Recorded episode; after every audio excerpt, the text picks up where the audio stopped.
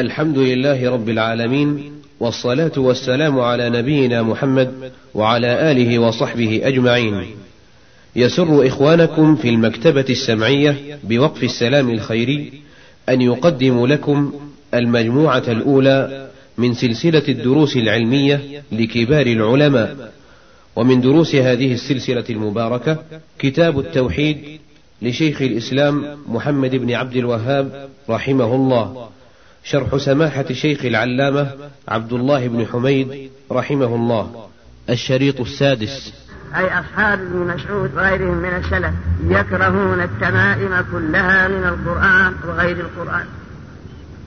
والمعنى أنهم يحرمون التمائم. الكراهية إذا أطلقت في ألسنة السلف فالمراد بها التحريم وأما في ألسنة الخلف يريدون بها التنزيل فإذا قال مثلا المتأخرون من الفقهاء ويكره فهي كراهة تنزيه. يعني لو فعلها لا حرج عليه إلا أن الأولى تركها. وأما في ألسنة السلف فهم يستعملون الكراهية في التحريم فيعبرون عن ما يحرم بقولهم يكره وهذا معنى قول إبراهيم كانوا يكرهون التمائم كلها من القرآن. والقرآن دل على هذا وهو استعمال المحرمات بالكراهة. قال الله تعالى في سورة الإسراء. لا تجعل مع الله إلها آخر فتقعد مذموما مخذولا. ثم بعد هذا قال ولا تقتلوا أولادكم من إملاق نحن نرزقهم وإياكم. وبعد هذا قال ولا تقربوا الزنا. ولا تقتلوا النفس التي حرم الله إلا بالحق. ولا تقتلوا ولا تقربوا مال اليتيم إلا بالتي أحسن. ولا تقف ما ليس لك به علم. ولا تمشي في الأرض مرحا إنك لن تخرق الأرض ولن تبلغ الجبال طولا. بعد هذا كله قال كل ذلك كان سيئه عند ربك مكروها. فقول مكروها يعني محرمة بل شرك. قال لا تجعل مع الله. من جاء اتخذ مع الله إلها. وعبر عنه بالكراهة كل ذلك كان شيء عند ربك مكروها. فاستفدنا من هذا أن الكراهية في القرآن وفي ألسنة السلف تطلق على التحريم وأنه يحرم ارتكاب هذه المنهيات وإن عبر عنها بالكراهة. وإذا قالوا يكرهون ولا ويكره فالمراد به التحريم. أما المتأخرون من أتباع الأئمة الأربعة فاصطلحوا على أنهم يعبرون عن المحرم بالمحرم. يحرم والمسنون يسن والمباح يباح جائز. والذي الأولى تركه بقولهم ويكره لأنهم ذكروا التحريم.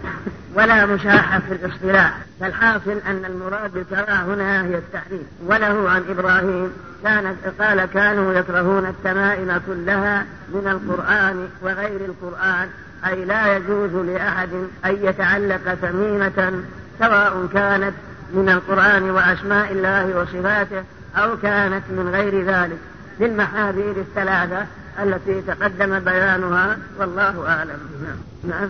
الظاهر الظاهر لا ظاهر أنه يقول سألوني لأن نعم الوفد. جن نصيبين سألوني العلف لهم العلف لجوابهم والزاد لهم.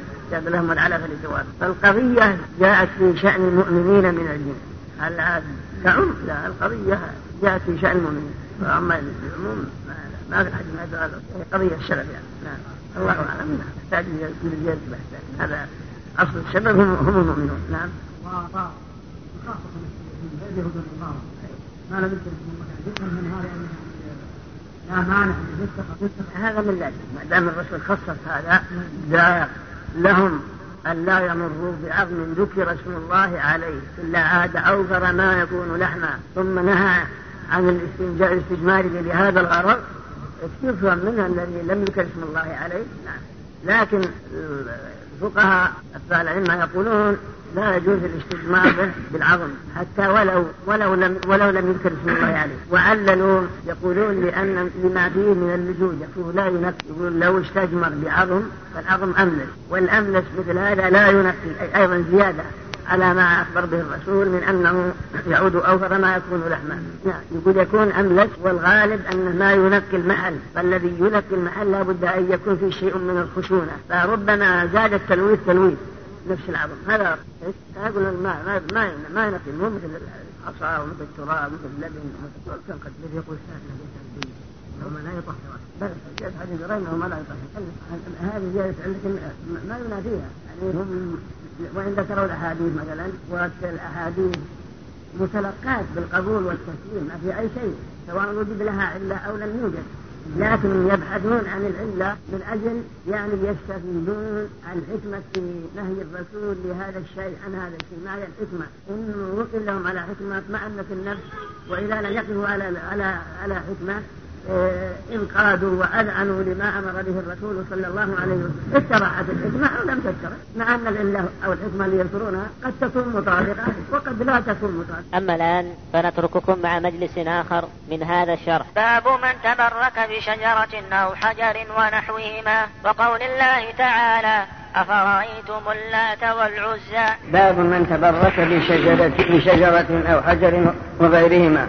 بقصد الخير طلب الخير والبركة ما حكمه؟ فقول باب من تبرك بشجر أو حجر أو مغارة أو مكان أو قبر يرجو من تلك الشجرة الخير ودفع الضرر وإيجاد النفع أو من ذلك الحجر أو من تلك المغارة فهذا كفر بالله لأنه جعل تلك الشجرة أو ذلك الحجر جعله شريكا لله يذبح له وينذر له ويطلب منه المدد. وهذا يدل على سخافة عقول مشرك العرب. قال وقول الله تعالى أفرأيتم اللات والعزى ومناة الثالثة الأخرى؟ ألكم الذكر وله الأنثى. تلك إذا قسمة ضيزى قوله سبحانه وتعالى أفرأيتم اللات والعزى ومناة الثالث ومناة الثالثة الأخرى؟ يعني أضرت أم نفعت. أما اللات فهي صخرة. بني عليها بيت وعليها أشكار وكانت في الطائف يعبدها تعبدها ثقيف ومن كان بقربها من قبائل العرب يذبحون لها وينظرون لها ويرجون نفعها ويرجون أنها تدفع الضرر عنهم. ظنا منهم أنها تنفع تجلب النفع أو تدفع الضرر. وما هي إلا صخرة. وأي صخرة وأي نفع عند تلك الصخرة؟ لكن سلب الله عقولهم. ومعنى اللات قيل سميت اللات هي مشتقة من اسم الإله. كما قاله الأعمش سموا اللات من الإله والعزى من العزيز. والقول الآخر أن رجلا كان يلت السويق للحاج وهو عند تلك الصخرة فإذا مروا به أطعمهم سويقا. ثم لما مات أشفوا عليه.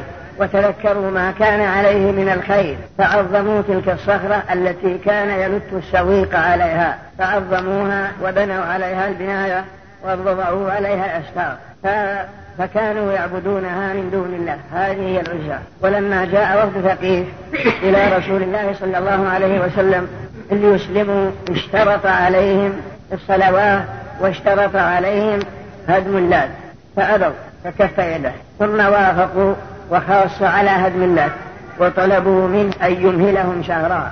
فقال ولا ساعة واحدة. مما يدل على أن أمكنة الشرك إذا قدر عليها لا يجوز إقرارها ولا ساعة واحدة. وهم لم يطلبوا إلا مدة شهر. قالوا مخافة أن تفتتن النساء والسفهاء والصبيان. نريد أن نهدئهم وأن نبين لهم. فقال الرسول صلى الله عليه وسلم ولا ساعة واحدة. فعند ذلك بعث إليها المغيرة بن شعبة لهدمها. وكان المغيرة عنده شيء من المرح. لما جاء لهدمها اجتمعوا لينظروا ماذا يعمل. بالمغيرة ظنوا أنها تفتك نفسها وأنها ستؤثر على المغيرة بحيث لا يستطيع هدمها. لما أخذ المعول وضربها اندفع على قفاه فضحكوا وفرحوا ظنوا أنها دفعته ثم بعد فهدمها ولم يصب أي شيء. فهذا يدل على أن أمكنة الكفر متى قدر عليها لا يجوز إبقاؤها ولا ساعة واحدة. كما فعل النبي صلى الله عليه وسلم. الثاني قوله العزاء. العزاء شجرة سمر وفي ثلاث ثمرات يعلقون عليها الستور. ويتبركون بها وكانت لقريش في مكة ومن التحق بهم من قبائل العرب. فلما فتح النبي صلى الله عليه وسلم مكة أول شيء بدأ به أن بعث خالد بن الوليد لهدمها. فذهب خالد فقطعها وهدم ما عليها. ثم رجع إلى الرسول صلى الله عليه وسلم فأخبره. قال لم تصنع شيئا. أرجع فاهدمها. فرجع لما أقبل رأى امرأة ناشرة شعرها وهي تولول. قال وسندت السدنة ذهبوا إلى الجبال. فشملها بالسيف فقتلها. ثم جاء فأخبر النبي صلى الله عليه وسلم فقال نعم تلك العزى ولا عزى بعد اليوم. فهي العزى. ومعنى العزى اشتقوها اسم هذا الاسم من العزيز. تعظيما لها. كانوا ينظرون لها ويذبحون عندها ويتبركون بها. ويعلقون عليها رجاء خيرها وبركتها. والوثن الثالث هو منات وكان بالمشلل عند قديم فبعث النبي صلى الله عليه وسلم إليه فهدى. وسميت منات قالوا لكثرة ما يمنى عندها من الدماء أي يضاف وهم سموا المنات من المنان وهي لبني هلال وبني كنانة والأوس والخزرج يعبدونها ويذبحون لها. وهذه الثلاثة هي أعظم الأوثان المعبودة إذ ذاك في الحجاز وهي التي ذكرها الله في هذه الآية. أفرأيتم اللات والعزى ومناة الثالثة الأخرى؟ ألكم الذكر وله الأنثى. يعني أن هذه الثلاثة كلها أسماء إناث اللات والعزى ومناة. ألكم الذكر وله الأنثى. تلك إذا قسمة ضيجى أي جائرة عادلة. عن الحق يعني بعيدة عن الحق. فهذا يدل على أنه أي قبر أو أي شجر أو أي مكان يعظمونه يذبحون له وينظرون أنه وعين ما كانت تفعله الجاهلية عند تلك الأوثان. وهناك أوثان كبيرة في غير الحجاز مثل صنم كبير يسمى ذو الكعبات وكان لأهل نجد يأتون ويطوفون به ويستغيثون به. وكذلك أيضا الخلصة لأهل في تبالة لأهل بيشة ومن قاربهم من قبائل العرب. فهذه هي الأوثان المعبودة إذ ذاك وهناك معابد أخرى لكن هذه المشهورة.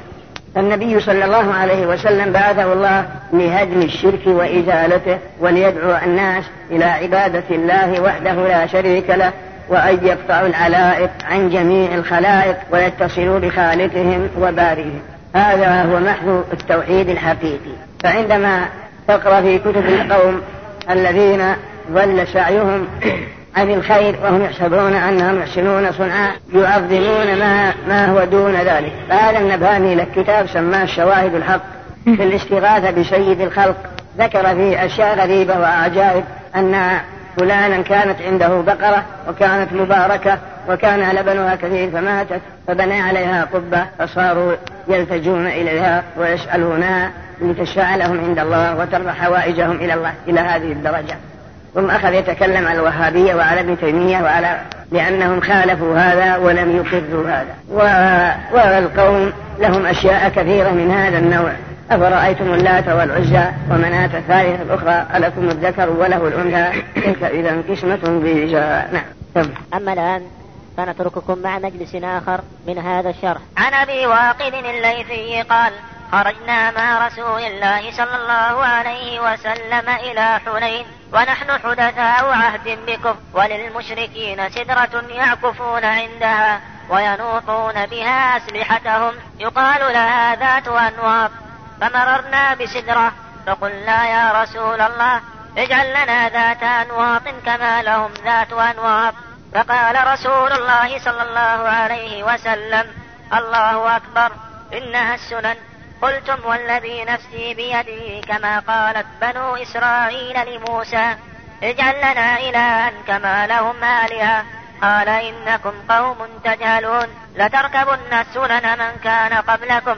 رواه الترمذي وصححه. ابي واقد الليثي رضي الله عنه قال خرجنا مع رسول الله صلى الله عليه وسلم ونحن حدثاء عهد بثور وللمشركين سدرة يعكفون عندها وينوطون بها أسلحتهم. يقال لها ذات أنواط قال فمررنا بشراء. وفي رواية خضراء. فقلنا يا رسول الله اجعل لنا ذات أنواط كما لهم ذات أنواط فقال رسول الله صلى الله عليه وسلم الله أكبر. إنها السنن. قلتم والذي نفسي بيدك كما قالت بنو إسرائيل لموسى اجعل لنا إلها كما لهم آلهة. قال إنكم قوم تجهلون. لتركبن سنن من كان قبلكم بنفس السين ويجوز كما أشار إليه الشارع رواه الترمذي. قوله عن أبي واقد الليثي قال خرجنا مع رسول الله صلى الله عليه وسلم ونحن حدثاء عهد بكم. أبو واقد هذا هو من مسلمة الفتح.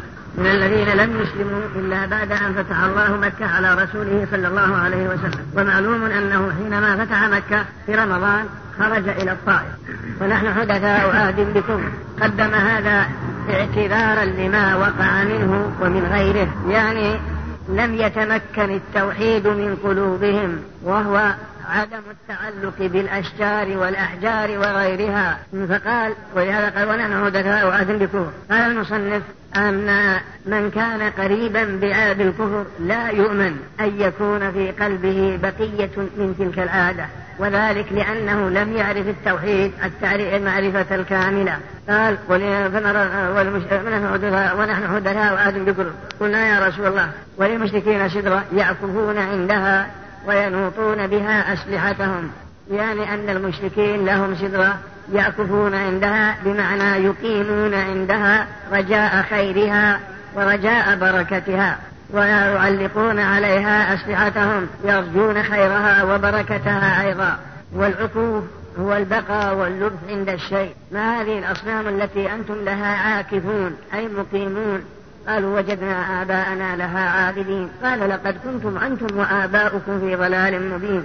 وللمشركين سدرة يعكفون عندها وينوطون بها أسلحتهم. يقال لها ذات أنوار قال فمررنا بسدرة. فقلنا خضراء فقلنا يا رسول الله اجعل لنا ذات أنوار كما لهم ذات أنوار يعني لو أذنت لنا في هذه السدرة الخضراء بأن نعلق عليها أسلحتنا رجاء خيرها وبركتها.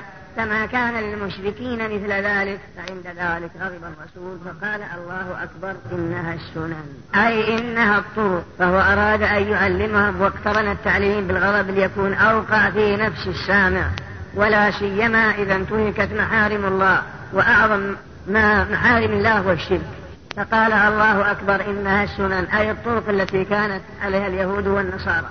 قلتم والذي نفسي بيده هلت.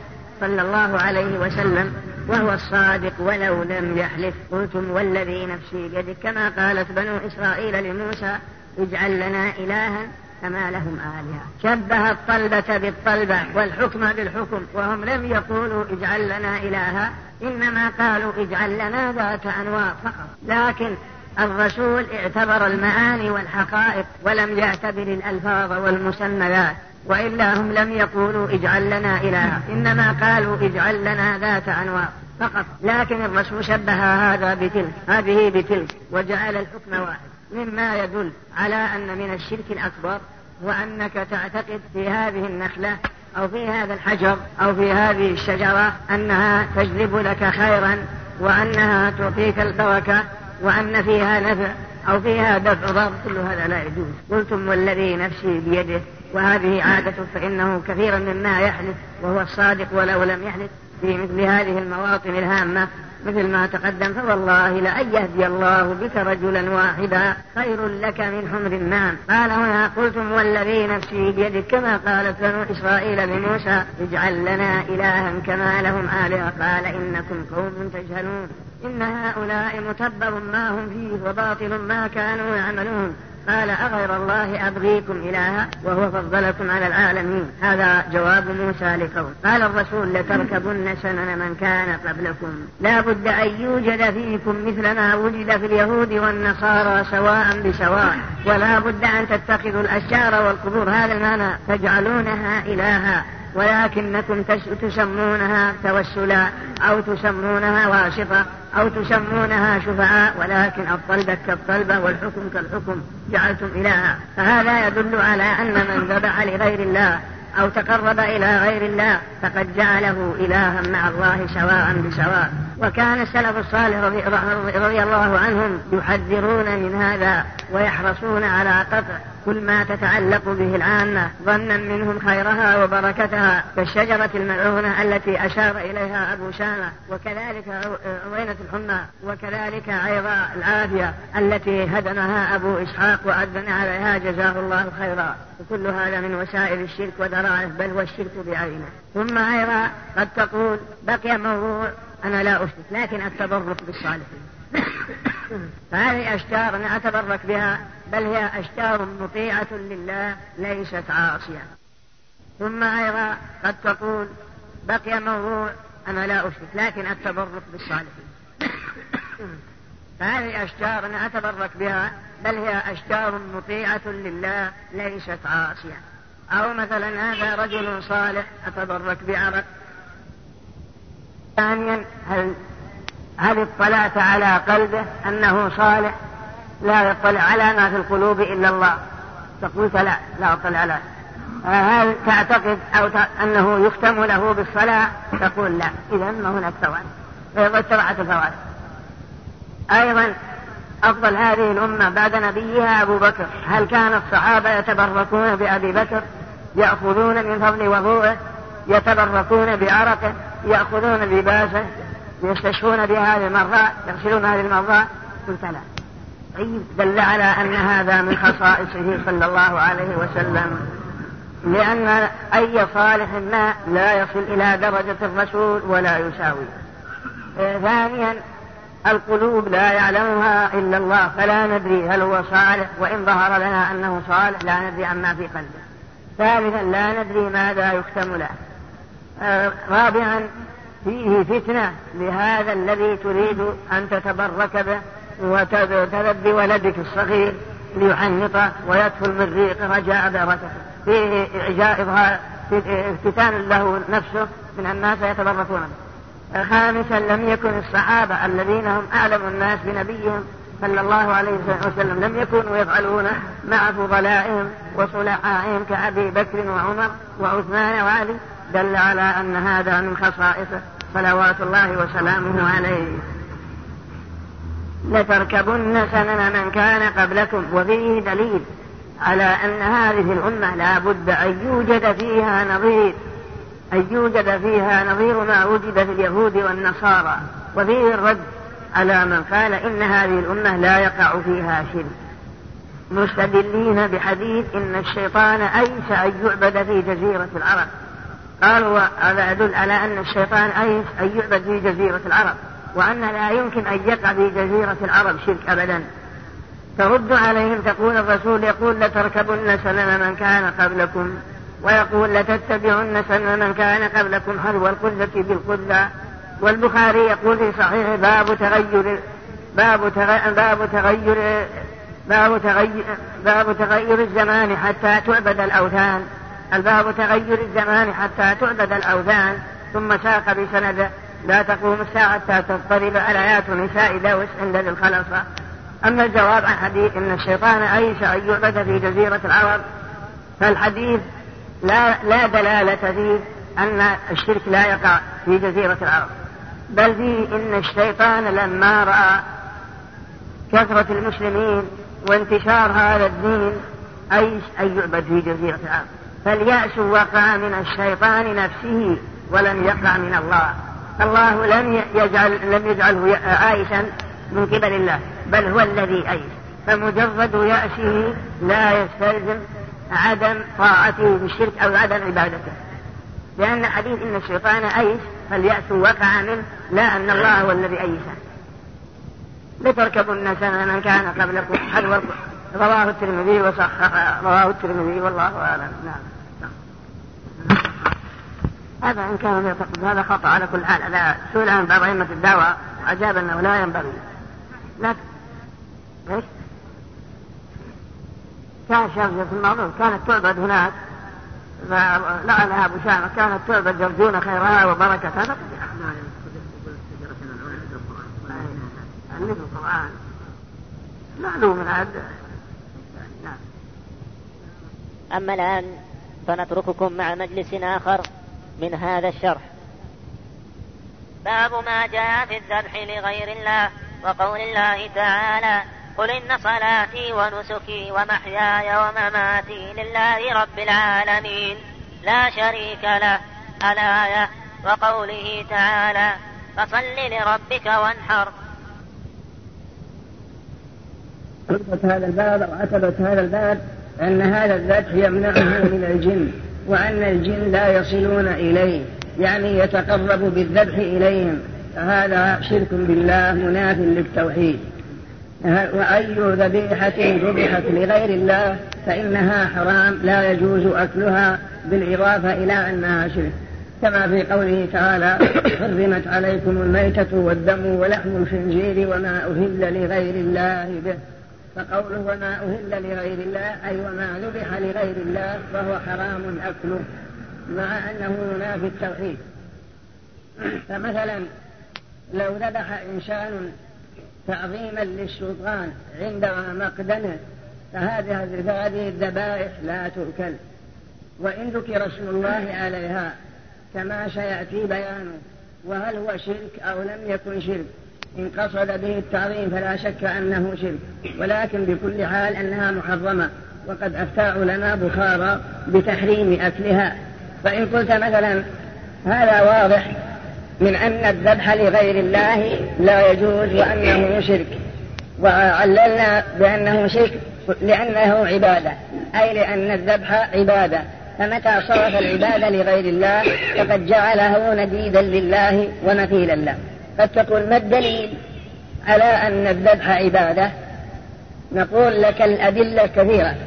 منها قوله سبحانه وتعالى قل إن صلاتي ونسكي ومحياي ومماتي لله رب العالمين لا شريك له وبذلك أمرت وأنا أول المسلمين.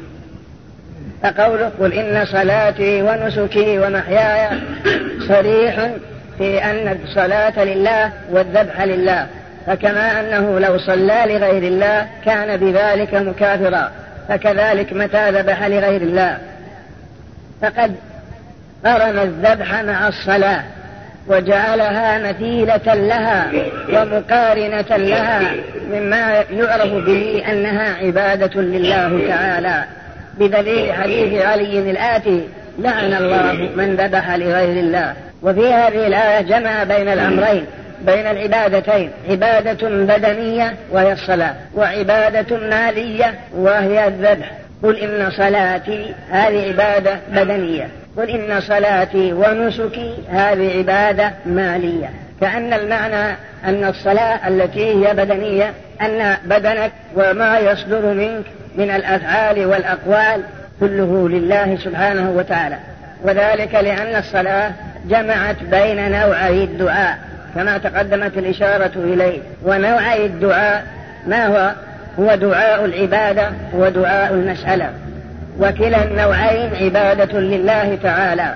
فالصلاة منذ ترفع يديك عند تكبيرة الإحرام قائلا الله أكبر سبحانك اللهم وبحمدك إلى نهايتها واختتامها بقولك السلام عليكم ورحمة الله. فهذا كله قد تضمنت نوعي الدعاء. والدعاء كما تعرف أنه عبادة كما في حديث الدعاء مخ العبادة. ومعنى أنها جمعت بين نوعي العبادة. قلنا أن العبادة إن, إن العبادة نوعان. دعاء أنها جمعت نوعي العبادة وهي الدعاء. والدعاء نوعان. دعاء عبادة ودعاء مشي. والصلاة قد اشتملت عليهما. فدعاء العبادة مثل قولك سبحانك اللهم وبحمدك تبارك اسمك ومثل الحمد لله رب العالمين الرحمن الرحيم مالك يوم الدين. مثل سبحان رب العظيم في الركوع سبحان رب الأعلى في السجود. ومثل التشهد أشهد أن لا إله إلا الله وأشهد أن محمدا عبده ورسوله. اللهم صل إلى غير ذلك. كل هذا من أنواع العبادة يعني من من دعاء العبادة. هذا من دعاء العبادة التي اشتملت الصلاة عليه. أما دعاء العبادة دعاء المسألة مثل قولك رب اغفر لي وارحمني واهدني. وارزقني وأجرني من النار وما أشبه ذلك. أو تسأل الله الجنة أو تستعيذ به من النار. هذا يسمى دعاء مسألة. والصلاة قد اشتملت على هذين النوعين. فكأن المعنى أن أفعالك المشتملة على العبادة وأقوالك أيضا وكذلك إنزال حاجتك بالله ودعائك إياه كله عبادة. هذا معنى قل إن صلاتي وكذلك فصل لربك وانحر. وأما الذبح ففيه فهو عبادة مالية. فإنك صرفت مالك بقوة الإيمان واليقين الذي نشأ عن قلبك صرفته لله سبحانه وتعالى. كأنك جمعت بين أفعال أفعالك وأقوالك وبين مالك وصرفت الجميع لله. صرفت الجميع لله متقربا به إليه.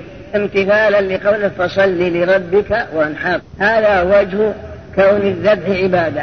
وبدليل أن النبي صلى الله عليه وسلم لعن من ذبح لغير الله. فأنت تقرب بهذا الذبح لله سبحانه وتعالى. فمتى ذبح الإنسان لقصد دفع أذى الجن مثلا. لقصد دفع أذى الجن فإنه صرف شيئا من العبادة لهم أو تعظيما لشخص جاعلا له جاء رافعا له في مرتبة الله تعالى. كل هذا مما ينافي التوحيد. هذا وجه مطابقة الآيتين للترجمة. قل إن صلاتي ونسكي ومحياي وما أنا عليه في الحياة وما أنا عليه في الممات لله رب العالمين. يعني ما تتقرب به إلى الله في الدنيا سواء كان لأجل الدنيا أو لأجل الآخرة كله لله. وإن صلاتي ونسكي ومحياي ومماتي لله رب العالمين لا شريك له. أي لا تجعلوا مع الله شريكا في ذلك كله وأنا أول المسلمين. فقد تقول الآية تدل على أن الرسول هو أول المسلمين. ومعلوم أنه قد سبق من الأنبياء من هم مسلمون. وقد أسلم أيضا من كثيرا من الأمم الإسلامية الذين بعثت إليهم أنبياؤهم مثل ما في قصة موسى يا قوم إن كنتم آمنتم بالله فعليه توكلوا إن كنتم مسلمين. فقالوا على الله توكلنا ونوح يقول وأنا من المسلمين. نقول لك كل هذا صحيح لكن قوله وأنا أول المسلمين يعني من هذه الأمة. فإن كل نبي يتقدم إسلامه على إسلام أمته فهو الأول في تمسكه بالإسلام ثم يأمر أمته فيجيبه من أمته من يجيب ويكتب الله له السعادة. فالمسلم فأول من, من يسلم من الأمم هم الأنبياء. هذا من وأنا أول المسلمين. ما ليس المراد وأنا أول المسلمين من هذه الخليقة. لا. بل سبقه الأنبياء وسبقه كثير من الأمم كلها متمسكة بالإسلام. ولكن قوله وأنا أول المسلمين يعني من هذه الأمة. وقوله تعالى فصل لربك وانحر. هذه الآية مثل الآية التي سبقتها. وهو أنه جمع فيها بين العبادتين العبادة البدنية التي هي الصلاة والعبادة المالية التي هي الذبح وما في معنى الذبح كالصدقة وغيرها يريد بذلك التقرب إلى الله سبحانه وتعالى. فهو جمع ذلك كله في قوله فصل لربك وانحر وهناك أمر ثالث امتاز به الخليل عليه الصلاة والسلام خليل الله إبراهيم. فإنه اجتمع في هاتين اجتمع في هاتان الحالتان البدنية والمالية وهناك أمر ثالث وبذلك حصلت له الخلة في قوله تعالى واتخذ الله إبراهيم خليلا فما كان إبراهيم خليلا للرحمن إلا لأنه بذل ماله للضيفان كما هو معلوم. قرب إليه فجاء إليهم بعجل سمين وكذلك بدنه بذله لله وكسر الأصنام حتى ألقي في النار. كل ذلك لأجل الله. والحالة الثالثة أمر بذبح ولده وفيدة كبده ليسلم قلبه لله ولا يكون فيه شركة لسواه فعند ذلك بادر وعزم على قتل ابنه امتثالا لأمر الله حتى أدركته رحمة أرحم الراحمين. ونبي قوله وناديناه أي يا إبراهيم قد صدقت الرؤيا إنا كذلك نجزي المحسنين إن هذا لهو البلاء المبين. فصل لربك وانحر يعني أن المسلم يجب أن تكون أفعاله وأقواله وماله كله لله ولأجل الله من ذبح أو غير ذلك ولا يصرفه في غير مرضات الله. فإن الرجل يثاب حتى, حتى على اللقمة التي يجعلها في امرأته كما في حديث سعد وغيره وكما دلت جاءت بذلك الأخبار الثابتة عن النبي صلى الله عليه وسلم. أما نوعي الدعاء الذي أشرنا إليه فقد سبق أن بينا أن دعاء العبادة مستلزم لدعاء المسألة ودعاء المسألة متضمن لدعاء العبادة ومعنى دلالة الالتزام ودلالة التضمن هذا قد سبقت الإشارة إليه فيما تقدم. نعم. أبي إسحاق هذا. في كتاب الحين دائم كل هذا ما لا ما ما نعم بالنسبة شوف لأن ذكر اسمه. شاف الطبقات شاف الطبقات لا الشافعي وأنا الشافعي الشافعي مالك مالك طبقات مالك. الدباج المذهب لا. نعم؟ لا يجوز على كل حال. ها؟ يعني بعض الناس عندما يقدم السلطان يجيب البعارين ويذبحها قدامه لا رياضة وياكلها ما تعظيم له. ناظرها يروح يخليها لا كله والدعاء والعبادة والدعاء مخمنة خالصها ولبها. حتى وإن كان في سنده ضعف ما دام أنه وجد ما يؤيد من الأحاديث الأخرى ووجد أيضا والآيات القرآنية تدل عليه فيه في قوله تعالى وقال ربكم ادعوني أستجب لكم هذا دعاء. إن الذين يستكبرون عن عبادتي يعني عن دعائي. فهو اولا أمر بقوله وقال ربكم ادعوني. ثم سمى الدعاء عبادة بقوله إن الذين يستكبرون عن عبادتي سيدخلون جهنم داخلين أي صاغرين ذليلين حقيرين فهو فهو عبادة. نعم نعم. ما يجوز ما يصح. يعني رياء. قصده يقال فلان كريم فلان كريم ذوق لكن ذبح لأجل غيره ذبح لغيره ظاهر الإباحة في مثل هذا. هذا نيته ما ما في ما لأن الإكرام للغير الإكرام للغير طيب نعم. لا ما يكفي. ما يكفي. إذا ذبح لغير الله ولو سمى ألف ألف مرة. نعم. بالنسبة إيه؟ إيش؟ ما يخالف هذا إكرام لا توكل إذا ذبح قال بسم الله للضيوف طيب الرسول صلى الله عليه وسلم يقول ومن كان يؤمن بالله واليوم الآخر فليكرم ضيفه هذا شيء نعم. شيخ بالنسبة للخلة نرى بعض مبتدعة ينكر الخلة ويقول هي بمعنى الفقر ويستدل ببيت لزهير بن أبي سلمة عند حرم بن سنان بن سنان اللي في آخر البيت لا غائب مالي ولا حرم. فبماذا نرد عليه؟ هذولا اللي ينكر هذولا من من ينكر الصفات. هذا لما ينكر الصفات. هذا شأنهم مثل ينكرون الاستواء ويستدلون بيت بيت المولد قد استوى باسمها العراقي من غير شيء ولا دم مهراق كلها ما, ما دام الرب يقول واتخذ الله إبراهيم خليلا والخله هي درجة فوق المحبة. يعني من هي من المحبة. ونحن نثبت المحبة. والرسول يقول إن الله قد اتخذني خليلا كما اتخذ إبراهيم خليلا. ولو كنت متخذا من أمتي خليلا لاتخذت أبا بكر خليلا. وكل هي درجة من درجات المحبة. الذي ينكرها ينكر المحبة في قوله إن الله يحب المتقين يحب المحسنين يحب التوابين ويحب المتطهرين. ويقول إن المحبة نوع ميل قلب من المحب إلى المحبوب. ففي إثباتها مشابهة للمخلوقين. فينكرونها كالأشاعرة والمعتزلة وأمثالهم. وجواب معروف نعم. لكن ما يقال لهم في هذه الحالة يا شيخ أن الرسول صلى الله عليه وسلم في قوله لو كنت متخذا من أمتي خليلا لاتخذت ابا بكر خليلا. إن الرسول لا يعني لا يستطيع يجعل أبو بكر فقير في هذا. لا فقر غير. واتخذ الله إبراهيم يعني فقيرا. يقولون فقيرا نعم. في هذه العبارة. الفقير الرب ولا إبراهيم؟ لا في قوله واتخذ الله إبراهيم خليلا يقولون فقيرا. هذا صرف للكلمه عن معناها وعن مدلولها. لكن يستدلون بهذا البيت. أنا قلت انهم يستدلون ببيت زهير في امدح حرم بن سنان الذي يقول في آخره لا غائب مالي ولا حرم. وش؟ يقول في أوله أنها إذا أتاه قليل يوم مسغبة في آخره يقول لا غائب مالي ولا حرم. ما في ما يدل على البيت, البيت لو لو تتبع ما قبله وما بعده ثم لو فرضنا إن زهير أراد هذا المعنى لا يمكن أن يؤول القرآن ببيت زهير. هذا لو سلم جدلا مع بيت زهير فمثلا الماء إذا جاء عبارة أو بيت أو شيء. تعرف ينبغي أنك تتنبه لمطابقة هذا البيت. لما قبله ولما بعده ثم تستنتج منه المعنى الذي أراده الشاعر. تستنتج, تستنتج منه المعنى الذي أراده الشاعر. فهي قراءته والبيت الذي قبله والبيت الذي بعده. تعرف المعنى. هذا من ناحية. فلا البيت ما بيعني لكن لو سلم جدلا مثلا أن الجوهر يريد هذا هذا المقصد فنحن لا نريد هذا المقصد. فالله لا يريد هذا المقصد في قوله واتخذ الله إبراهيم خليلا. كل الناس فقراء إليه. يا أيها الناس أنتم الفقراء إلى الله.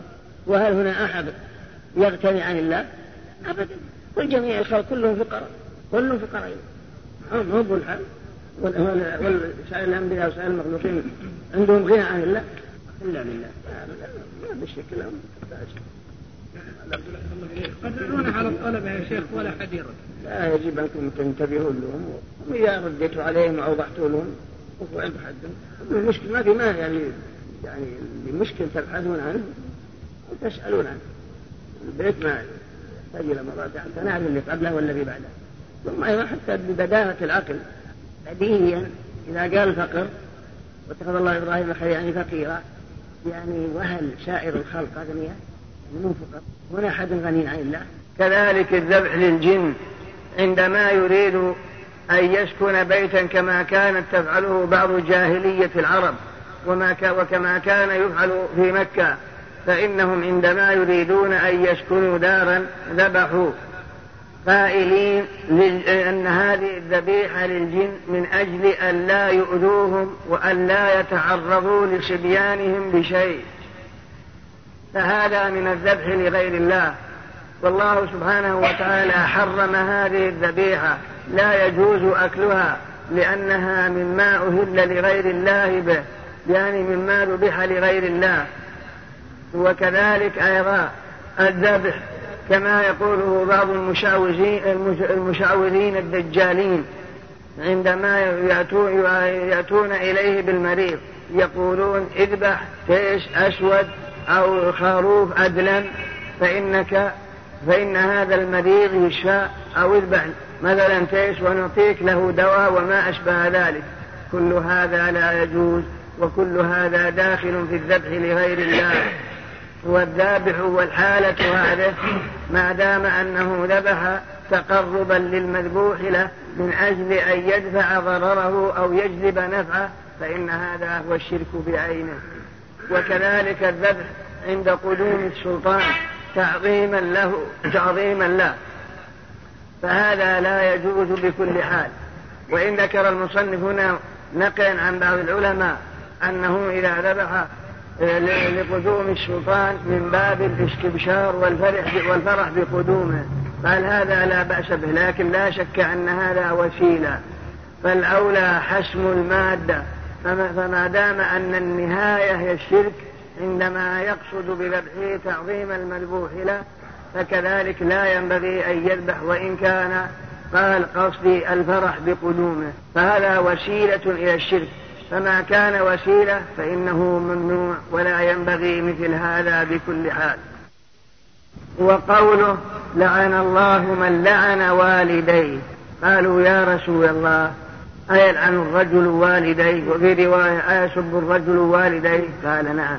يسب أبا الرجل فيسب أباه ويسب أمه فيسب أمه. فيكون البادئ هو الذي تسبب على أن هذا الشخص يلعن أمه أو يلعن أباه. فأنت في الحقيقة أنت الذي لعنت أمك. كما لو لعنت إنسانا قال قلت له لعنك الله فقال لعن الله أمك. أو قلت أنت لعنة الله على أمك قال هو لعنة الله على أمك. فالواقع أنت الذي لعنت أمك. وإن لم تباشر باللفظ لكن أنت المتسبب فهذا معنى قول النبي صلى الله عليه وسلم إن من الكبائر شت شتم الرجل لوالديه. قالوا يا رسول الله أيشتم الرجل والديه؟ قال نعم. يسب أبا الرجل فيسب أباه ويسب أمه فيسب أمه. فهذا هو المتسبب فما ظنك بمن باشر لعن أبيه أو لعن أمه؟ وهما السبب في وجودك وهما الذين قاما بتربيتك وتعليمك وتنشئتك النشأة الطيبة. والله سبحانه وتعالى قد قرن حق الوالدين مع حقه. في قوله تعالى وقضى ربك ألا تعبدوا إلا إياه وبالوالدين إحسانا وأحسن الوالدين إحسانا فقرن حقهما مع حقه احتراما لهما وتعظيما لحقوقهما وقال أن اشكر لي ولوالديك إلي المصير. فكيف يتسبب الرجل بأن أباه أو أمه يلعنان؟ إذا لعن أبا الشخص أبا زيد أو أمه فزيد يلعن أباه وأمه يقابل المثل بالمثل فتكون أنت السبب. فهذا لا يجوز. واللعن في الحقيقة ما معنى اللعن؟ فإذا قلنا لك هذه الأحاد هذا الحديث ونظائره من الأحاديث التي جاء فيها اللعن مثل لعن, لعن الله السارق يسرق البيضة فتقطع يده عليها لعن الله شارب الخمر لعن الله من ذبح لغير الله. يا غيرك إيش معنى اللعن؟ تفسره أن تقول اللعن معناه هو الطرد والإبعاد عن مواقع الرحمة. هذا هو اللعن. ومن الخلق السب لعن الله من آوى محدثا إيش معنى من آوى محدثا الذي لعنه النبي صلى الله عليه وسلم. معناه هو أن الرجل يرتكب جناية فيكون فيها مجرما سواء كانت جناية مالية أو بدنية على مسلم أو جناية بدعي بدعية في الدين ثم يلتجي إلى من يجيره من ذلك. فهذا الذي أجاره من ذلك هو ملعون على لسان رسول الله صلى الله عليه وسلم.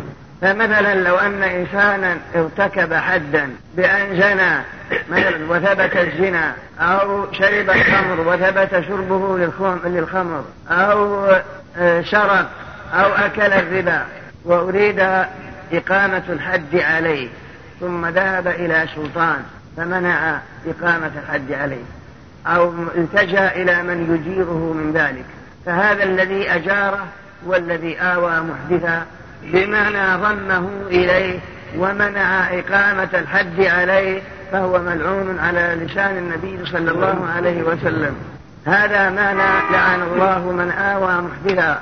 وقد جاء في الحديث الآخر إذا بلغت الحدود السلطان فلعن الله الشافع يعني الذي يشفع فيه لا يجوز. متى ثبت عليه الحد ووصل السلطان ثم تذهب إلى السلطان تطلب منه أن يعفو عن هذا المحدود الذي يقام عنه فلا يجوز لك. فمتى فعلت ذلك؟ أو الذي جئته وطلبت منه أن يسمع فسمع تركه من أجلك. فأنت وهو, وهو أيضا ملعونان على لسان النبي صلى الله عليه وسلم. الشافع ملعون.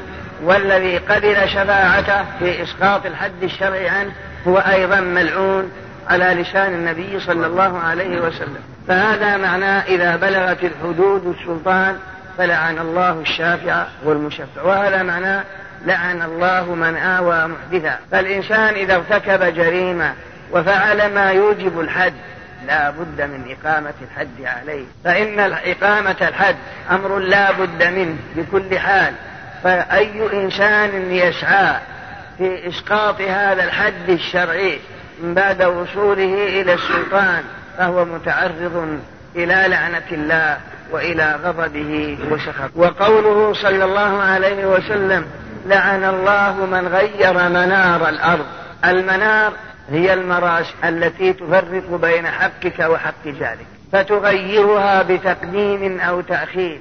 كأن يكون بينك وبين إنسان أرض وضعتم المراسين ثم يأتي فيقلع المراسين ينتزع المراسين ويدخلها في شهمك. يأخذ منها مقدار متر أو أقل أو أكثر. فهذا قد غير منار الأرض أي مراسيمها وعلاماتها التي تفرق بين حقك وحق جارك. فهو أيضا ملعون كما في هذا الحديث.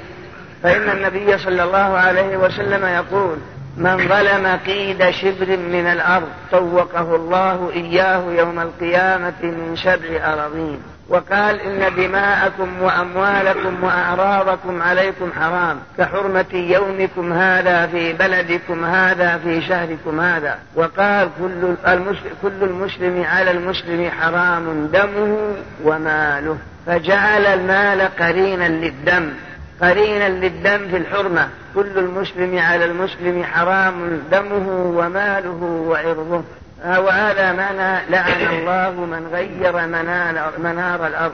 يريد أن يقدم المراشيم في أرضك ليأخذ من أرضك ويضمها إلى أرضه بمقدار شيء قليلا كان أو كثيرا.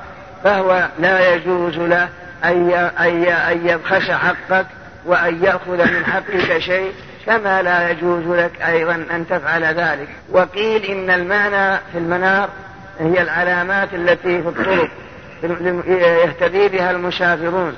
يجعلون على طرق المسافرين علامات يهتدون بها بأن هذا هو الطريق. فيأتي إنسان فينقلها من مكان إلى مكان حتى إن المسافر يضل عن الطريق ويغتر عن الطريق فيسلك الطريق طريقا غير الذي سلك بسبب هذه العلامات يظن أنها لا تزال باقية مع أنها قد غيرت. فهذا الذي غيرها أيضا هو من غير منار, منار الأرض. قال هذا القول طائفة من العلماء والأول هو المعروف ولكن كلا الأمرين لا يجوز. هذا هو معنى هذا الحديث. بقي مسألة أخرى. مسألة لعن المعين. أولا استفدنا من هذا الحديث جواز لعن المع... أهل المعاصي على سبيل العموم. الرسول قال لعن الله من ذبح لغير الله ولم يعين. لعن الله من, من, من لعن والديه. لعن الله من آوى محدثا لعن الله من غير منار الأرض. لعن الله السارق يسرق البيضة فتقطع يده عليها. لعن الله آكل الربا وموكله كل هذه جاءت على سبيل لعن أهل المعاصي على سبيل العموم. بقي لعن المعين. كما لو أن إنسانا تعرف زيد بن عمرو بن خالد تعرفه. شرب الخمر. فهل يجوز أن تقول لعنة الله عليك؟ يقول لك لا. لا يجوز. أن تلعن المعين. قولي العلماء وإن كان ابن الجوزي جوزه لكن الصواب المنع. لأنك لا تدري ماذا يختم له. ولا تدري ما عاقبته فلا ينبغي.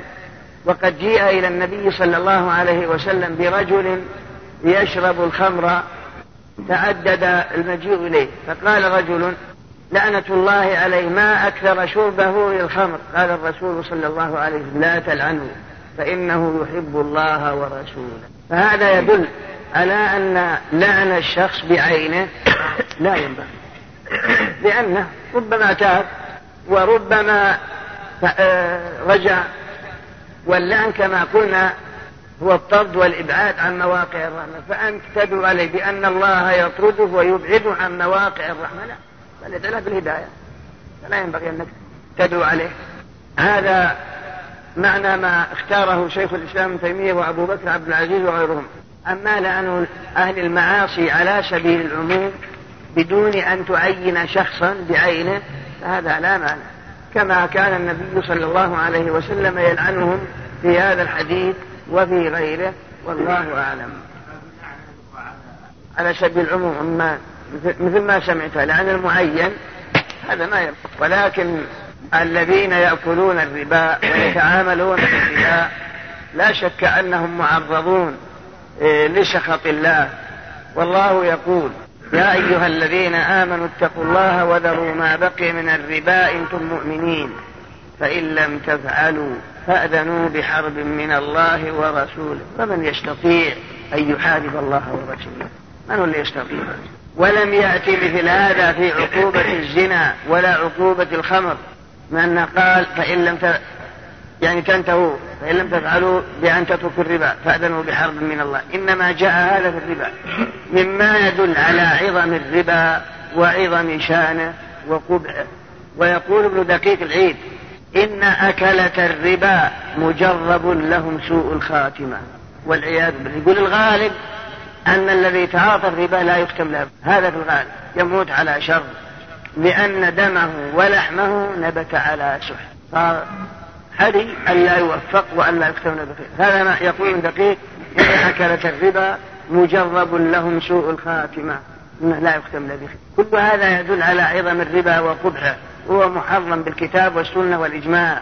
ثم لاحظ أيضا عقوبة آكل الربا كما في الآية الذين يأكلون الربا. لا يقومون إلا كما يقوم الذي يتخبطه الشيطان من المس كالمصفوع كلما قام طاح. كلما قال يعرفه أهل الموقف بأكله للربا. لكن يا للأسف يا للمصيبة كثر الربا. و... وأظن أن الحديث ينطبق على كل ما أحد يسلم وهو أن النبي صلى الله عليه وسلم أخبر في آخر الزمان أن من لم يأكل الربا ناله من غباره. لو ما أكلته لابد يجيك من الغبار ما إيش معنى ناله من غباره؟ لأنك إنسان شماي ربما إنسان يعزمك على القهوة. ودم ما له ذاك الربا شربت قهوتك ما تبي يعني. هذا الغبار أو تأكل طعامه. آه، أو تتصل به أو يتصل بك. مثلا وإن لم تأكله لا بد الإنسان يصيبه من غباره. وهذا من غباره. كما أخبر به النبي صلى الله عليه وسلم يعني عن كفاية عن فشو الربا وكثرته في آخر الزمان. ثم من الأسف أن هناك من يدعي العلم جعل يحاول بإباحة الربا الذي هو محرم بالكتاب والسنة والإجماع. يقول إنه جائز وأنها الفوائد إذا كانت لأجل التنمية ولأجل التجارة. لا بأس بها. تأخذ مثلا ألف عن ألف ونص أو مئة ألف على أنك تسلم له مئة ألف وعشرة ألاف زيادة. إذا كان مو مثل ما كلها تبي تقيم بها مصنع أو ما. كل هذا باطل التعاليم الفاسدة. الربا الله سبحانه وبحمده حرمه وهذا هو ربا الجاهلية. و وهؤلاء جاءوا بأشياء لا دليل لهم لكن مثل ما قال الله أم لهم شركاء؟ شرعوا لهم من الدين ما لم يأذن به الله. وما الذي أباح لهم هذا؟ يفرقون يقولون الربا لأجل مصلحة الفقير. إن كنت أنت مثلا مال كان الفقير بيأخذ منك ألف بألف ومئة إلى المجب له. إذا كان فقير هذا لا ما يجوز هذا الربا. وإن كان غني مثلا بيأخذ منك ألف هي الآن يعطيك ألف ومئة وغني بيفتح له مشروع بيتجر هذا لا بأس به. هذا التفريق بين المتماثل هذا اللي يقول كثير من العصريين. لكن هذا كله لا أصل هل الرسول فرق بين هذا؟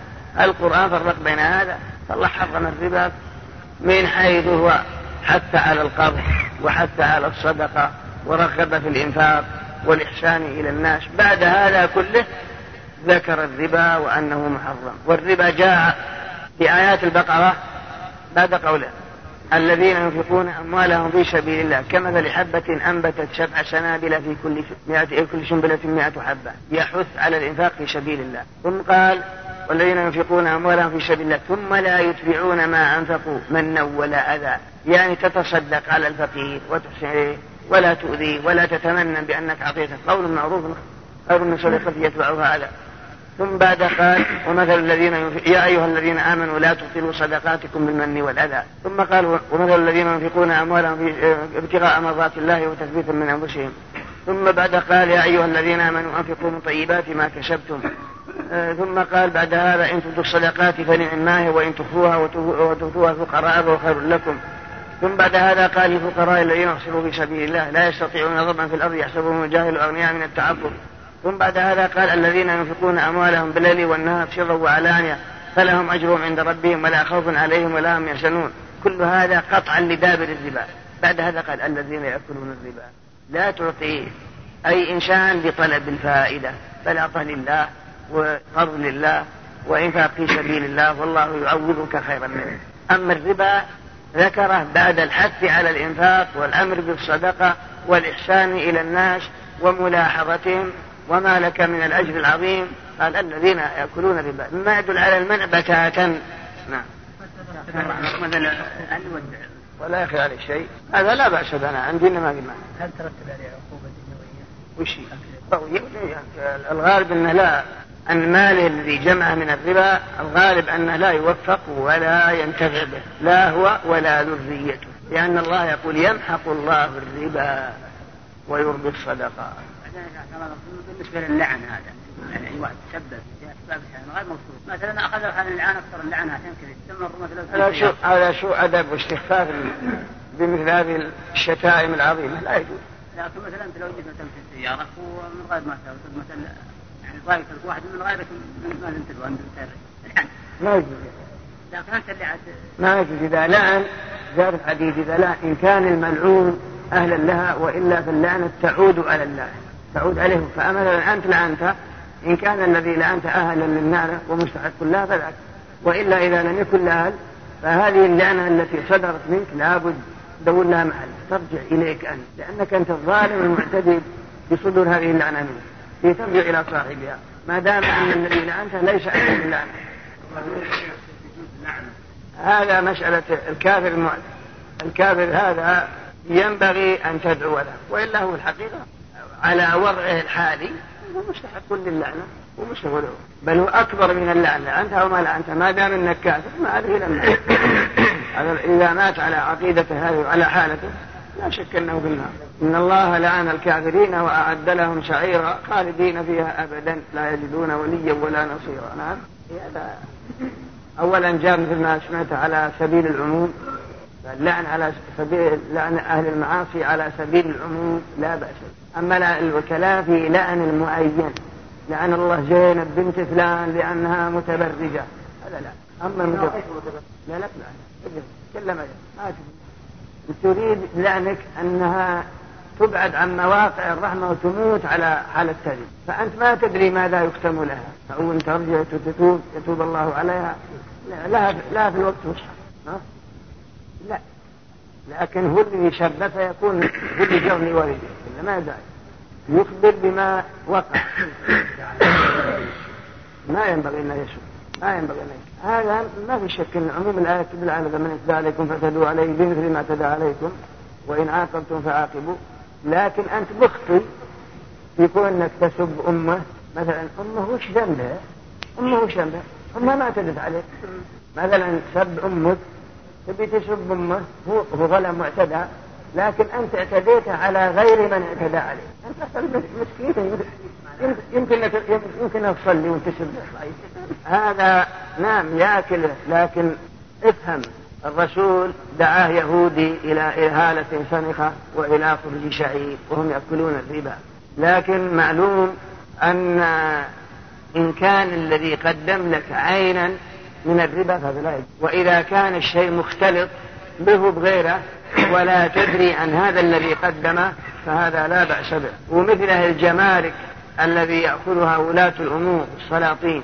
فإذا كان مثلا هناك جمرك اللي يعشرون أموال الناس فعند ما عندما تجي معك تجارة أخذوا عشر مالك اللي يسمون جمرك وهكذا لا يجوز أن يأخذوها. لكن لو أخذ مالك عينا وأعطاه السلطان هذا الشخص حرام عليه ما يجوز ولا يقبل من السلطان. فإن دخل بيت المال وضاع ولا يدرى هذا مالك ولا من جاء هذا اختلط بغيره ولا يعرف عينه فهذا لا بأس. ما في مانع. فكذلك اليهود عندهم ما هو محرم وما هو بيعه جائز واختلط بهذا وهذا فإذا اختلط بهذا وهذا جاز أكله وجاز قبوله. أما إذا عرف عينا أنه نتيجة الربا هذا أو نتيجة مالك أنت بعينه فهذا لا يجوز. هذا معنى ما قرره الشيخ تقي الدين بن تيمية. نعم. لا ما ينشف هذا بيان للجواز بيان للجواز. وهذا من باب الاحتياط. دع ما يريبك إلى ما يريبك. يعني دع ما تشك فيه إلى ما لا تشك فيه من باب الأولى والوراء والأكمل. وهذاك إن فعل الإنسان ما يمكن عليه جائز ولا في شيء. والأمر المشتري إذا تركها لله طيب. ما دام طعامهم اي نعم طعام الذبائح هذاك حل طعام طعام الذين اوتوا الكتاب حل لكم. لا هو يشعر اما شاء الربا أحرم للمصلحة؟ وأخذ يعني ما في مانع. إلا إن دخل بلادنا بأمان. أما إذا دخل بلادنا مثلا بشروط اشترطها عليه الإمام على انه يؤخذ. هذا ما, ما في مانع. أما إذا كان دخل بأمان ما يجوز أن تاخذه إيش؟ إيش؟ ضابط الفسق. كل ذنب ختم بغضب أو لعنة أو نار أو نفي إيمان. هذا هذا ضابط الكبيرة. هذا ضابط الكبيرة. ومن ارتكب كبيرة كبيرة فهو بعد هذا كل ذنب كل ذنب ختم بغضب أو لعنة أو نار أو نفي إيمان. فإنه كبيرة نعم. بسم الله الرحمن الرحيم. مال المسلم بما يأخذ أحدكم مال أخيه؟ لا يحل مال امرئ مسلم بغير طيب نفس منه. إن دماءكم وأموالكم وأعراضكم عليكم حرام. كحرمة يومكم هذا في بلدكم هذا في شهركم. كل المسلم على المسلم حرام. دمه وماله وعرضه. وهل بعض الصحابة يعني نشر الذي روي عن حسان وغيره؟ هذا معلوم شيء آخر مثل قصة مذكورة في كتب السنة. حمنا ومصطح كلهم يعني لكن الحمد لله تابوا ورجعوا لما أنزل الله. نعم. الله أما الآن فنترككم مع مجلس آخر من هذا الشرح. وعن طارق بن شهاب أن رسول الله صلى الله عليه وسلم قال دخل الجنة رجل في ذباب ودخل النار رجل في ذباب. قالوا وكيف ذلك يا رسول الله؟ قال مر رجلان على قوم لهم صنم. لا يجوزه أحد حتى يقرب له شيئا. فقالوا لأحدهما قرب. قال ليس عندي شيء أقرب.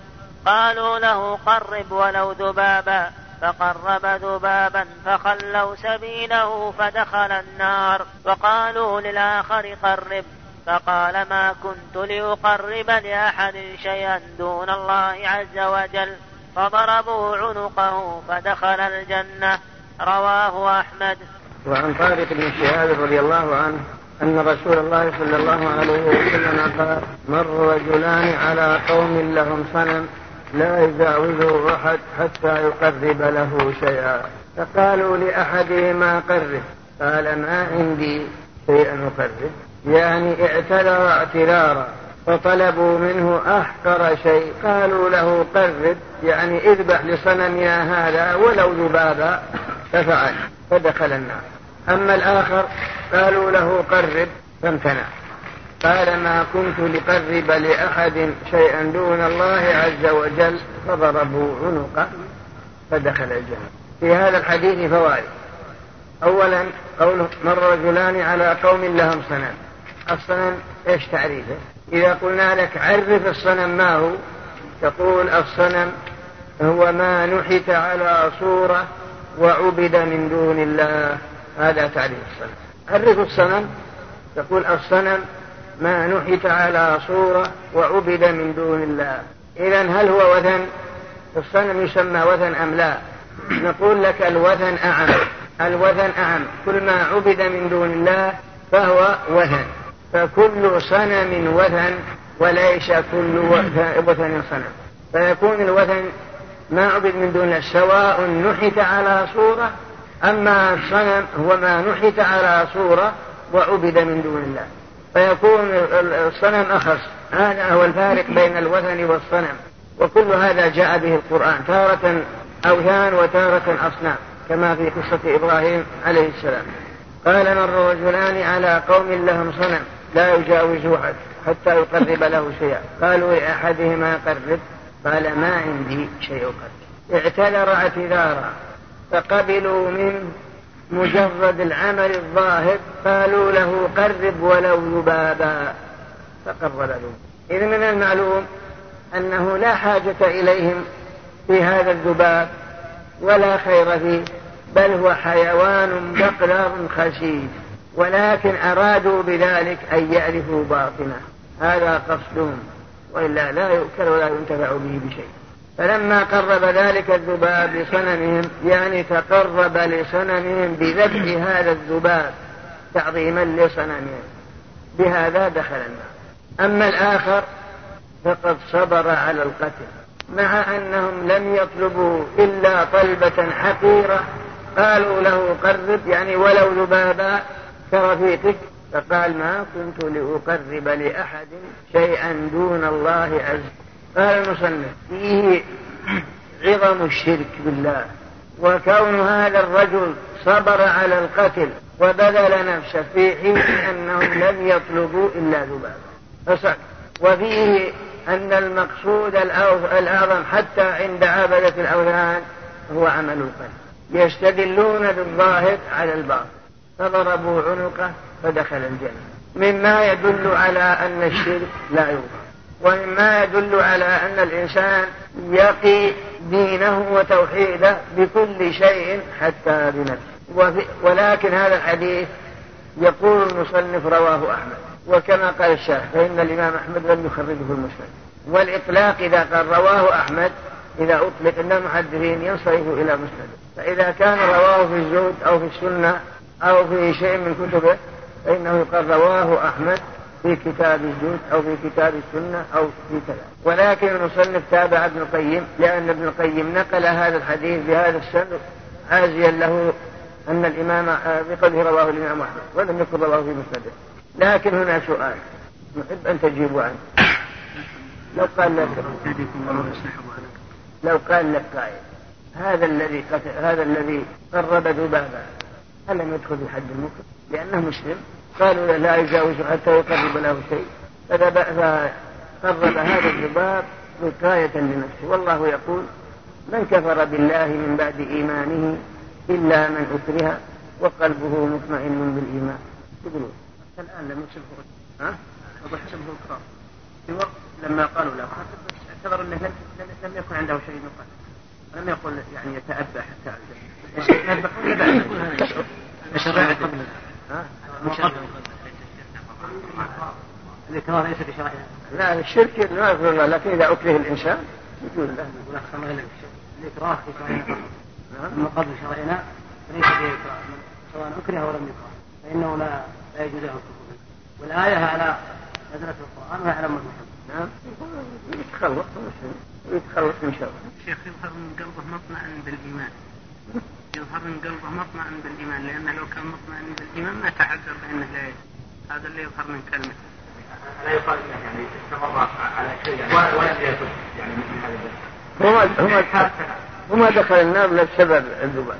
يعني ما يعني يعني يعني على اعتقاده. أما يعني لو قتل يعني لو كان يعني في قلبه إيمان كان بعد ما ذهب فعل الله. يعني تحصل من كلامكم ثلاث أجوبة.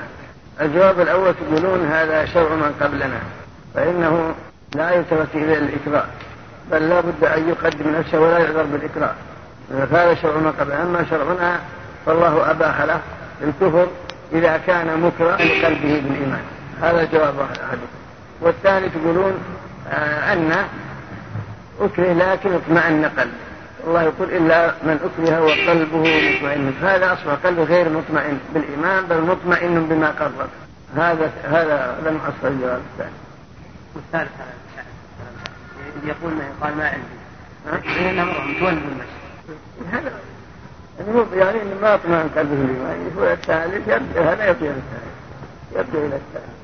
هو الظاهر. المهم إن الرجل ما قلبه غير مطمئن بالإيمان. إنما استمر على تقليد يعني لن يبالي وإلا لو لو تاب ورجع حتى ولو شاء الله يتوب عليه بكل حال. لكن يظهر أن قرب هذا الذباب واستمر سقر واستمر على على على قربانه وهم قصدهم عمل القلب.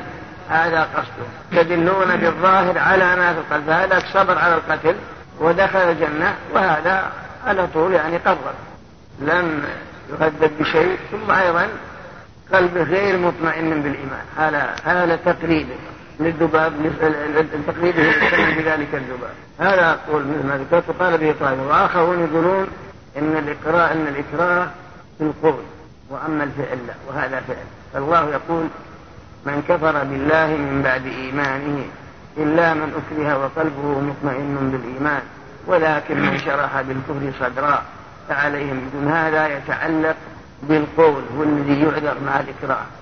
أما الفعل فلا مثل ما في قصة حذيفة حين أسر في بلاد الروم وراودوه فأبى ونطفي قدر محمى من النار من النحاس كما هو القصة معروفة. ها؟ لا قلنا عبد الله ترى الحوض نعم نحن ذلك عند الإكراه إذا كان الظاهر نعم سواء كان فعل أو قول. القول إذا أكره الله سبحانه وتعالى عذره اطمئنان قلبه نعم. نعم. كل شيء الشغل هذا اللي قلنا هذا في يعني الإكراه. عند السكن في الشرك واللي في القتل اللي الشرك اللي غير هذا قول طائفة ولكن اللي يظهر أنه عام. ما هناك فارق بين القول والجهل. لكن هذا جواب بعض العلماء. ماذا شوف. لا. مثل هذا مهم من جهة الله. فرق بين الإكراه الذي هو للعبادة من جهة القول كشب أو من جهة فعل الآدمي يعني يفعل في الناس. هذا شيء آخر يعني. فرق بين الإكراه القولي المتعلق أو الفعل المتعلق بحق الله سبحانه وتعالى وبين المتعلق في حق الآدميين.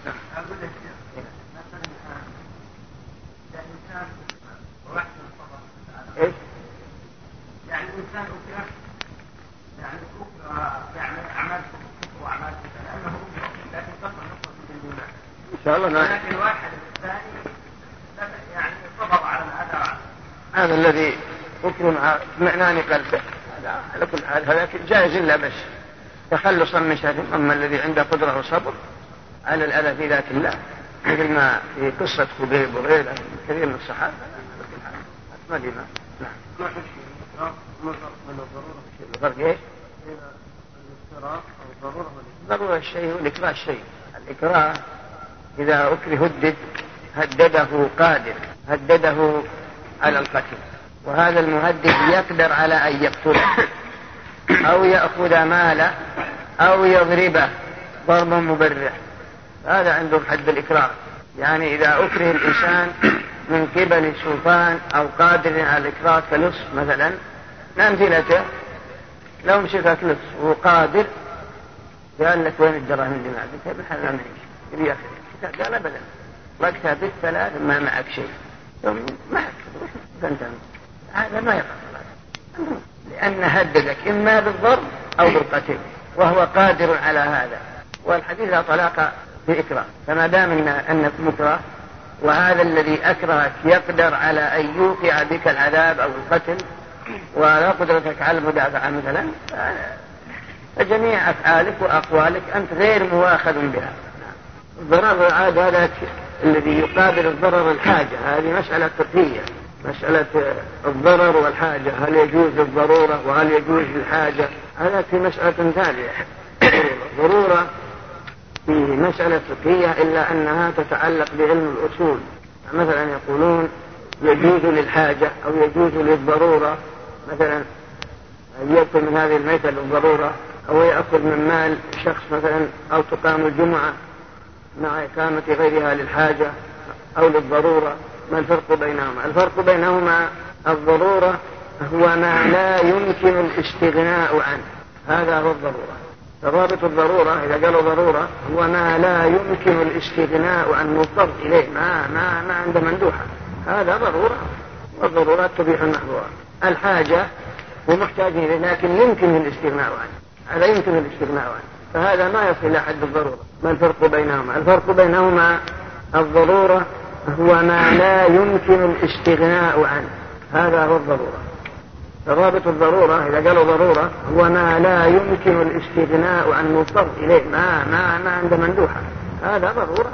والضرورات تبيح المحظورات الحاجة هو محتاج إليه لكن يمكن الاستغناء عنه. هذا يمكن الاستغناء عنه. فهذا ما يصل إلى حد الضرورة وإنما هو حاجة. هنا عند العنابلة وعند كثير يقولون أنه ما فيه إكراه لأنه انتشار ذكره ومقبولة هذا في شيء من الرغبة والاختيار. يقولون ما ما يتصور فيه الإكراه. هذا عندهم عند آخرين يقولون لا هذا من ثقة الأسباب ما في إكراه عند الكثير يقولون لأن في نوع نوع اختيار منه انتشاره وهو يدل على شيء. انبعاث رغبة. هذا. لأنه لا, لا طلاق في إغلاق طلاق في إكراه وحديث أيضا أبلغ من إن الله تجاوز عن أمتي الخطأ والنسيان. وما استكرهوا عليه. وما استكرهوا عليه. نعم. أما الآن فنترككم مع مجلس آخر من هذا الشرح. باب لا يذبح لله بمكان يذبح فيه لغير الله. وقول الله تعالى لا تقم فيه أبدا. الآية وعن ثابت بن الضحاك رضي الله عنه قال نذر رجل أن ينحر إبلا ببوانة فسأل النبي صلى الله عليه وسلم فقال هل كان فيها وثن من أوثان الجاهلية يعبد؟ قالوا لا. قال فهل كان فيها عيد من أعيادهم؟ قالوا لا. فقال رسول الله صلى الله عليه وسلم أوف بنذرك فإنه لا وفاء لنذر في معصية الله ولا فيما لا يملك ابن آدم. رواه أبو داود وإسناده على شرطيهما. بسم الله الرحمن الرحيم. باب لا يذبح لله بمكان يذبح فيه لغير الله ومعنى هذه الترجمة. هو أن المكان إذا كان معدا للذبح فيه لغير الله أو أن فيه صنما يذبح لأجله لغير الله أو وثن أو كان موضعا يجتمع فيه المشركون ويعظمون أو يقيمون فيه أعيادهم فلا يجوز لك أن تخصصه بعبادة. وأن وأن تنظر لله بأن تذبح في هذا المكان المعين. وإن كانت نيتك خالصة وقصدك صحيح لكن لا يجوز لك لوجود المشابهة الظاهرة. فمجرد وجود المشابهة الظاهرة للمشركين فالمسلم ممنوع منها. لقول النبي صلى الله عليه وسلم من تشبه بقوم فهو منهم. وذلك لأن المشابهة في الأعمال الظاهرة مؤذنة للمشابهة في الأعمال الباطنة. قال وقول الله تعالى لا تقم فيه أبدا. أول الآية. والذين اتخذوا مسجدا ضرارا وكفرا وتفريقا بين المؤمنين وإرصادا لمن حارب الله ورسوله من قبل وليحلفن إن أردنا إلا الحسنى والله يشهد إنهم لكاذبون. لا تقم فيه أبدا لمسجد أسس على التقوى من أول يوم أحق أن تقوم فيه. فيه رجال يحبون أن يتطهروا والله يحب المطهرين. معنى الآية والذين اتخذوا مسجدا ضرارا وكفرا سبب نزولها على ما قاله جمع من المفسرين وعلماء الأخبار هو أن رجلا يقال له أبو عامر الراهب وكان أبو عامر هذا مشهور في المدينة ويسمى الراهب لكثرة عبادته لما جاء النبي صلى الله عليه وسلم إلى المدينة وانتشر الإسلام شرق بالدعوة ونابل الرسول صلى الله عليه وسلم فعند ذلك سافر إلى الشام إلى الروم. لما سافر إلى الروم جعل يكاتب المنافقين في المدينة ويعدهم بأنه سيأتي بالجنود من الروم لاستئصال النبي وأصحابه. هذه مهمته وكانت الروم تساعده وهو يكاتب أصحابه من المنافقين في المدينة. فوعدهم بأنه سيأتي بالجيوش ليخرج الرسول من المدينة. فعند ذلك أمرهم بأن يبنوا محلا يعسكر فيه أبو عامر الراهب وقد سماه النبي صلى الله عليه وسلم أبو عامر الفاسق. بنوا مسجدا وهم قصدهم في هذا المسجد ليس لله. إنما قصدهم إذا جاء أبو عامر الفاسق وهو من معه يعسكرون فيه ويقومون بالحملة ضد الرسول صلى الله عليه وسلم وأصحابه في المدينة فيخرجونه من المدينة. لما تكامل بناؤه جاءوا إلى الرسول. يعني هؤلاء المنافقون قالوا يا رسول الله إنا بنينا هذا المسجد ليصلى فيه وليقيم فيه أهل العلة والليلة في الليلة الشاتية. فنطلب منك أن تصلي لنا فيه. وكان من العادة إذا بنى الناس مسجدا صلى فيه النبي صلى الله عليه وسلم. كما تقدم أيضا في قصة عتبان بن مالك. فإنه كان ورير البصر ولا يستطيع الوصول إلى مسجد للعذر الذي قام به. فأراد أن يتخذ مسجدا في بيته يصلي بقومه. فجاء إلى النبي فجاءه النبي صلى الله عليه وسلم قال أين تحب أن أصلي في بيتك؟ فأشار إلى مكان فصلى فيه النبي صلى الله عليه وسلم فاتخذه عتبان مسجدا. فهؤلاء المنافقون جاءوا إلى الرسول يقولون بنيناه لأهل العذاب ولأهل العلة في الليلة الثانية ولأجل الصلاة فيه فنطلب منك أن تصلي لنا فيه. الرسول لم يعلم بما عندهم وكان عند سفره إلى تبوك.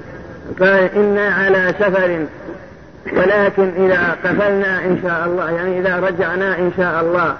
سافر صلى الله عليه وسلم إلى تبوك وأقام بها نحو عشرين يوما ثم لما رجع ولم يبق بينه وبين المسجد. إلا يوم أو بعض يوم نزل عليه خبر المسجد والذين اتخذوا مسجدا ضرارا وكفرا وتفريقا بين المؤمنين وإرصادا لمن حارب الله ورسوله من قبل وليحلفن إن أردنا إلا الحسنى. والله يشهد إنهم لكاذبون. لا تقم فيه أبدا. فنزلت عليه هذه الآية فعرف أن هذا هو مسجد الضرار وما بني للغرض الذي ذكروه. لأهل العلة في الليلة الشاتية ولأهل الأعذار بنوه لهذا الغرض. والذين اتخذوا مسجدا ضرارا وكفرا وتفريقا بين المؤمنين يريدون بهذا المسجد أن من حارب الله ورسوله وهو أبو عامر الفاسق ومن يأتي ما يبقون فيه لأجل تفريق المؤمنين وإخراجهم من المدينة وإرصادا لمن حارب الله ورسوله من قبل. ثم قال ولا يحلفن إن أردنا إلا الحسنى. حلف هؤلاء المنافقون أنهم لا يريدون إلا الخير. ولكن الله شهد بأنهم كذبة وفجرة. ولم يبنوه لهذا الغرض بل لأجل هؤلاء الكبرة الذين سيأتي بهم أبو عامر الفاسق. لما نزل على الرسول خبر المسجد بعث إليه من يهدمه فهدم ونهي النبي عن الصلاة فيه أبدا. ووجه مطابقة الآية للترجمة هو أن هذا المسجد لما بني لمعصية الله وبني لإشادة الكفر و... والإضرار بالمؤمنين وإرصادا لمن حارب الله ورسوله. صار الموضع موضع, موضع معصية ومعد للمعصية. لهذا نهي النبي عن الصلاة فيه. فاستفدنا من هذا أن كل موضع أعد لمعصية الله وهيئ لذلك فلا ينبغي الصلاة فيه ولا العبادة فيه. واستفدنا من هذا أن الطاعة تؤثر في الأرض وكذلك المعصية. ثم قال لا, لا تقم فيه أبدا لمسجد أسس على التقوى وهو مسجد قباء. فهو أسس على التقوى أي على طاعة الله وطاعة رسوله صلى الله عليه وسلم. والذي لمسجد أسس على التقوى على التقوى من أول يوم يعني بني أحق أن تقوم فيه. فيه رجال يحبون أن يتطهروا والله يحب المطهرين. قال بعض العلماء إن المسجد الذي أسس على التقوى هو مسجد النبي صلى الله عليه وسلم وقيل هو مسجد قباء. وختاما تقبلوا تحيات إخوانكم في وقف السلام الخيري. رقم الهاتف هو اثنان صفر تسعة صفر اثنان صفر تسعة. رقم الناسوخ هو اثنان صفر تسعة اثنان صفر تسعة اثنان. والسلام عليكم ورحمة الله وبركاته.